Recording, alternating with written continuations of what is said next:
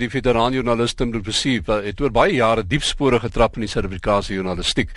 En Tim het Vrydag uitgetree en ek sê uittreë na 'n loopbaan waarin hy onder meer die redakteur was van die dagblad Beeld.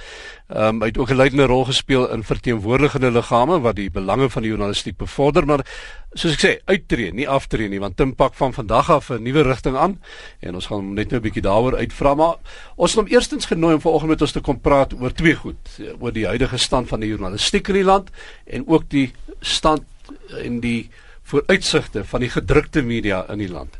Te môre, môre Kobus, baie dankie. Ek wil net sê ek was 'n redakteur van rapport ook gewees. Dis reg ja, nee. En is nogal ek moet seker nou gewoond raak daaraan dat mense na my verwys as 'n veteraan joernalis. ja, ek ek die eerste dag het iemand vir my van my gesê dat 'n veteraan gepraat het as 'n ja. veteraan uitsaaier het ek gou die spieël gaan kyk. Ja, 'n mens kan nooit 'n voormalige joernalis word nie, want dit is 'n manier van lewe, né? So jy bly dit vir altyd. Jy ja. bly dit tot jy doodgaan. Nou, ek wil vir jou dan nou vra ook as jy nou terugdink oor jou loopbaan. Dit is 'n lang loopbaan. Uh die grootste verskille as jy dit nou moet vergelyk met wat jy bevind het destyds met hoe dinge vandag verloop. Kyk, die belangrikste toe ons begin het, jy weet, ek het by Beeld begin werk in 19, ek het as 'n student begin werk in 74, 3 maande na die koerant gestig is en toe het ek in 2 jaar nadat hy gestig is, het ek heeltyds daar begin werk. Die groot ding was so en toe het toe het Beeld nie uh, was glad nie 'n winsgewende koerant nie. Hy was vir 16 jaar lank 'n verliesmakende koerant geweest, maar hy's deur Naspers gedra want hulle het geglo in die produk en hulle het geglo geglo een of ander tyd gaan hierdie koerant uh winsgewend raak en toe hy wel winsgewend raak het hy het hy baie mooi geldjies vir Naspers ingebring. Die belangrikste verskil, ondanks die feit dat hy toe 'n verliesmakende koerant was, ons het meer hulpbronne gehad. Dus ek sê hulpbronne, ons het meer redaksionele ruimte gehad. Toe ek in 81 parlement toe gegaan het, het die burger op sommige dae twee volle bladsye gehad met parlementêre nuus twee volle bladsye, maar meeste van die tyd een hele bladsy. Ons kon 'n volledige verslag gee van wat in die parlement gebeur het toe ek daar was. Want ons was, soos die Engelse sê, newspapers of record, 'n koerant wat vir die vir die leser gesê het, as jy 6 uur in die oggend die koerant op jou voorstoep optel, dan gee ons jou 'n oorsig van al die goed wat jy moet weet wat gister gebeur het. Nou die belangrike een, die groot verskil is ons is dit nie meer nie. Ons het nie meer daai soort van hulpbron nie, ons het nie meer so baie plek nie.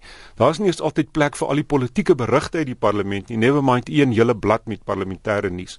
So dis 'n baie groter baie belangrike verskil. Hoekom wat het daai verskil mee gebeur? Kyk, dit het oor tyd gekom. Mense dink almal die koerante het ewe skielik in 'n krisis beland toe die internet in 1979 belangrik geraak het. Maar koerante se sirkulasies wêreldwyd. En ons praat nou van jy weet ons koerante is maar tipies soos die koerante wat in Noord-Amerika en in Wes-Europa verskyn koerante wêreldwyd sedert 1956 daal die sirkulasies af af af. Maar die koerante as gevolg van 'n volhoubare sakemodel het hulle weet steeds winsgewend gebly en lewenskragtig gebly. En wat gebeur het is daai sakemodel is besig om te verander om dit te reduseer tot 'n een eenvoudige punt is groot adverteerders, nasionale adverteerders waar ons ons groot geld vandaan gekry het om ons journalistiek te kan onderhou wil nie meer in gedrukte media adverteer nie. Hulle sê nee, daar's ander kanale waar ek groter sukses kry met advertensies. Nou ons stry met hulle, ons redeneer met hulle. Ons sê vir hulle maar vir belangrike kommersiële besluite is gedrukte advertensies nog steeds die belangrikste. Hulle sê nee, nou jy kan hulle nie dwing nie. En ons is op die oomblik in so 'n tonnel van krisis kan 'n mens maar sê waar ons vir die gedrukte media 'n nuwe modelle moet uitvind om ons journalistiek uh, volhoubaar te maak deel daarvan ek wil en ons gaan nou praat oor ja. die die die nuwe rigtings wat ingeslaan word ook maar uh, mense sê vir ons ons vanoggend nou mense gehad wat vir ons op op, op ons SMS lyn ook uitkry en sê ja maar die media is net oor slegte nuus. Uh ons moet meer goeie nuus vir hulle hmm. vir hulle bring. Uh en da, ek ek weet nie presies hoe dit sou werk nie, maar maar die feit is nuus is nuus. Ja, dis absoluut so, jy weet, ek meen jy kan nie daai goed kategoriseer nie. Ons het 1 jaar by Beeld sommer net hier in die Desember vakansie uh terwyl hulle daarvan om sommer iets interessants te doen. Toe sê ons ons gaan terwyl dwars deur die hele Desember wil ons elke dag 'n goeie nuus storie op bladsy 1 hê.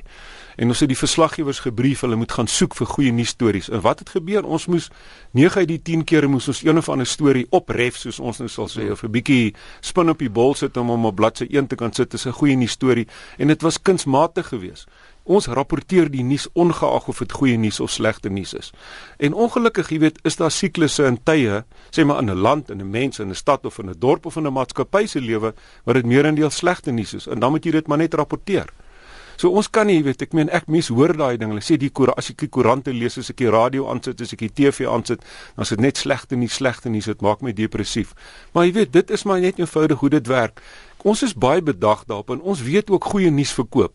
Soos byvoorbeeld Beeldbehaal elke jaar fantastiese verkope met die met die met sy koerant oor die matriekuitslae. Hoekom is meeste meerendeels goeie nuus stories oor kinders wat wat presteer? Maar hy verkoop ook baie goed met die begrotingskoerant. Soos hmm. ons weet in die afgelope tyd, daar's al meer en meer slegte nuus in die begroting. So ek het te vermoed dit is die breë koerantleser. En jy weet ek het vanoggend ek na julle program geluister en daar was iemand ek dink ek het daai goed gehoor toe julle daar gepraat het die breë massa van mediaverbruikers of dit nou radio, TV of koerante of wat ook al is is tevrede met die aanbod wat hulle kry. Verstaan wat dit is wat ons probeer doen, maar daar's altyd ouens aan albei kante wat kla. En ek meen dis maar hoekom mense ervare regisseurs en redakteurs het wat weet hoe om hulle hoe moet jy jou steur aan die aan al die verskillende stemme wat na jou toe kom. Nou die ons het jy het net nou verwys na die internet wat in 1979 al 97 97 ten minste nie. Uh sy sy inslag gekry het. Nou dit het tog 'n groot invloed gehad, nê. Nee. Ja. Ek meen en, en en daar is veranderinge aan die gang hierso ja. en waar en en en Naspers as sodanig is nogal aan die voorpunt dink ek van ja. die aanpassing om om dit te akkommodeer in die wêreld. Ja. Kyk Kobus die die die internet Wat ek altyd dink, jy weet, as die as ons weet wat ons vandag weet in die koerant, dan sou ons nooit ons inhoud gratis op die internet gesit het nie. Dit was een van die groot foute. Vandag kyk almal terug en niemand kan verstaan maar hoekom het dit gebeur nie. Want hier gaan ons toe die internet kom en mense kom agter, jy weet, jy kan die internet gebruik as 'n medium. Toe gaan al die koerante van die slim New York Times tot by die, die mees sukkelende publikasie noem enige plek in die wêreld in hulle hardloop en hulle sit hulle waardevolle inhoud gratis op die internet. Wat doen hulle? Hulle maak lesers a gewoonde aan, maar ek kan dit gratis kry op die internet. Hmm. Nou sê ons vir hulle en, en nou sê die ou, maar hoekom gaan ek vir die gedrukte ding betaal, vir die gedrukte koerant betaal? Ek kry dit gratis op die internet. So het ons hulle gewoond geraak daar. Nou begin die ouens eksperimenteer met betaalmure. Ons het self 'n betaalmuur of kan ek moet eintlik nou begin sê hulle by Media 24 sal baie moeilik vir my wees. 38 jaar is 'n lang tyd. Ehm um, Ons sit nou betaalmure op in die, en nou kom die lesers en sê maar hoekom moet ek nie hiervoor betaal? Soos een ou sê maar ek betaal aan vir Mweb om op die internet te wees. Hoekom moet ek nog betaal om beeld of rapport ook te lees? En dan sê ons nee, maar dit kos ons geld om my inhoud te vervaardig. So ons is daai eksperiment met betaalmure is aan die gang. Daar's twee skole van denke daar. Is een ou wat sê dit gaan nooit werk nie, ons moet ander maniere kry en dan's daar ander mense wat sê nee, jy moet vasbyt, ons moet dit net maak werk.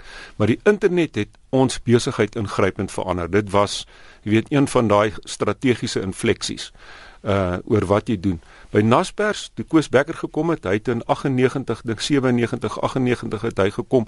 Hy was 'n visionêr gewees, jy weet. Ek meen en hy het dadelik besef die internet is baie groot en is 'n belangrike ding en dit gaan alles uh verander. En hy het die besigheid en dit is nou jy weet suksesvolle transformasie wat gewerk het. wat besig is om te werk. Hy het die hele besigheid verander. En streng gesproke van Naspers eintlik meer 'n internetmaatskappy as 'n as 'n media maatskappy gemaak het. En vandag, jy weet, is hy 'n baie suksesvolle en hoogs gerespekteerde leier, nie net in Suid-Afrika nie, dwars oor die wêreld. Ek dink Naspers is die grootste uh, internetmaatskappy buite Amerika ja. en uh, en en Brittanje dink ja. ek. Ja, well, luister, as jy hom as jy nou hom as 'n media maatskappy wil beskou, dan dink ek hy tel minstens onder die top 10 en dien nie onder die top 5 nie uh en dis maar hoe hulle maar wat nou baie interessant is nou, nou ons praat nou en ek weet nie of jy nou nou wil vra oor die toekoms van gedrukte mm. media gaan koerante nog bestaan en so. Uh daar was vir 'n tyd uh, vir 'n lang tyd het mense begin sê julle is verby. Toe Koos oorgeneem het daar by ons in 97 het hy opmerking gemaak het gesê jy kry ouens wat glo mense versprei inligting op platgestampte boomstompe. En dit het die stoere ou printjoernaliste, jy weet, die al die ou manne met die drukkers in hulle are, jy weet, hulle het nie vreeslik baie daarvan gehou nie. Maar hy's reg, die toekoms die toekoms is ander maniere van inligting versprei. Maar jy weet daartoe oor die jare heen het daar so so 'n uh, uh, tipe 'n denke ontwikkel wat gesê het een of ander tyd gaan koerante heeltemal verdwyn. In Amerika het hulle verlede 'n paar jaar gelede so 'n uitwissingstabel het hulle gesê in 2017 gaan die laaste koerant in Amerika verskyn en dit het so afgekom. Ek dink ons was aangeteken gewees om in 2028 die laaste koerant in Suid-Afrika te hê. Die nuutste wysheid wat nou terugkom van die buiteland af is nee, die gedrukte koerante gaan altyd by ons wees. Hulle gaan heeltemal anders wees. Ons is nie meer newspaper of record nie. Ons moet ander goed doen, maar daar sal altyd 'n plek vir hulle wees en vir nou terwyl ons is waar ons nou is, gaan hulle nog steeds die grootste uh, bronne van inkomste wees vir media maatskappye. Daar's baie joernaliste wat as jy met hulle praat en veral nou uh, op die plekke waar ons nou miskien 'n bier kan saam drink ja. of 'n glasie wyn, dan in die tongeraak bietjie los dan dan bekla hulle lot en uh, en Koos Becker sal self weet daar's hier 'n hmm. paar joernaliste wat vir hom kwaad is ja.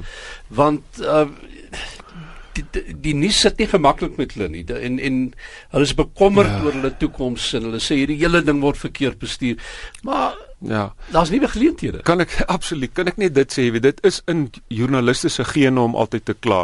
Jy weet in hier in die ou dae was 'n persgroep hier in die noorde perskor gewees. En die perskor joernaliste het so by die kroeg sien nou praat hulle so 'n liedjie gesing hulle gesê Marius haat my dit weet ek daarom hou ek net my bek. Weet hy was die baas van die maatskappy. Marius Juste ja. Ja so so uh, hulle uh daai goedjies gaan maar nog gaan maar nog altyd aan jy weet. Dit is nou maar net in ons aard om uh, in journalistiese aard om 'n bietjie te kla. Kom ons aanvaar, dit is moeilik om aan te pas by verandering en ek is 'n joernalis in murg en in niere. Maar ons spreek altyd vir al die ander mense om verandering te aanvaar, maar want sukkel ons self 'n bietjie om dit te doen, jy weet. So kom ons parkeer maar net daai opmerking.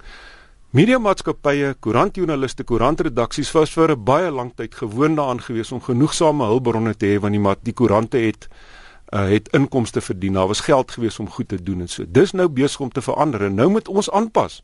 Ons moet dinge nou anders te doen. Ons moet nou slimmer werk. Hulle het altyd vir ons gesê julle moet nou meer doen met minder, maar mense kan dit nie doen nie, dis menslik onmoontlik. Ons moet minder doen want ons het minder, ons moet slimmer werk. En dit is ons besig om reg te kry. So ons moet nou maar net aanvaar die die geil dae is nou vir eers verby en ons is ons moet deur 'n moeilike passasie beweeg voordat ons ons besigheidsmodel so kry dat ons weer optimaal kan funksioneer. Maar daai ouer wat na jou toe kom en sê maar my seun of dogter wil 'n joernalis word, wil 'n verslaggewer word. Um, ja. Uh, jy gaan nie vir hulle sê maar kyk. Nee. Ek gaan nee Kobus, ek gaan ek word van tyd tot tyd gevra om by die journalistiek departement by die universiteite te praat. Jy weet en daarso daarso daai jong studente en laat ek vir jou sê, hulle is bright en hulle is slim en hulle is toegewyd en ek sien hulle soos wat hulle afgelewer word van Stellenbosch, Pretoria, Potchefstroom, noem dit ook al. Wat soos wat leer by ons aankom. Hulle is Hulle is ek wil amper sê sinnetjie vir sinnetjie smarter as wat ons was destyds ek in 76 begin het. Hulle is beter opgelei, hulle weet meer wat gaan aan, hulle het wonderlike hulpmiddels, hulle kort net ervaring en goeie oordeel. Ek sê vir daai mense kom. Is daar is nie net journalistieke geleentheid in drukmedia nie. Daar's by die uitsaai wese, ek meen hulle gaan aan. Hierso gaan ons nou kyk kyk net toe. Daarso gaan ons nou 'n bietjie kapasiteit bou en so. Daar's altyd geleenthede. Kom net in, jy weet, as jy goed is, as jy toegewyd is, as jy die passie het, want dis die belangrike ding, dan gaan daar vir jou loopbaan wees. As jy kom om geld te maak en jy beroemd te wees en so, gaan nie noodwendig gebeur nie. Kortliks, uh, jy's nou op pad uh, van vanoggend 8uur, slaan jy 'n nuwe rigting. Yep. Ja. Vertel ons gou. Want wat dit is 'n uh, uh, Karen Meyering, die hoof van Kyknet, het na my toe gekom en gesê hulle wil hulle hulle aanbod aan nuus en aktualiteit 'n bietjie opstoot. Uh weet, hulle sê sy sy sê kyk net is 'n breë spektrum vermaaklikheidskanaal is nie 'n nuuskanaal nie, dis 'n breë spektrum vermaaklikheidskanaal met baie kykers wat sê ons soek nuus en aktualiteit. Nou daar is 'n aanbod vir nuus en aktualiteit op kyk net, maar daar is ook ander ander goedjies wat ons wil doen. So ek is nog nie 100% seker nie, maar dis my opdrag en dis hoekom ek gekontrakteer ge is om hulle daarmee te gaan help. Maar ek sien baie daarna uit gaan lekker wees om 'n bietjie kapasiteit te bou. Nou ek hoop um, jy gaan hom net so geniet soos jy jou vorige wat sit 38 jaar ja. geniet het. Sê vir jou baie sterkte en dankie. Dankie Kobus.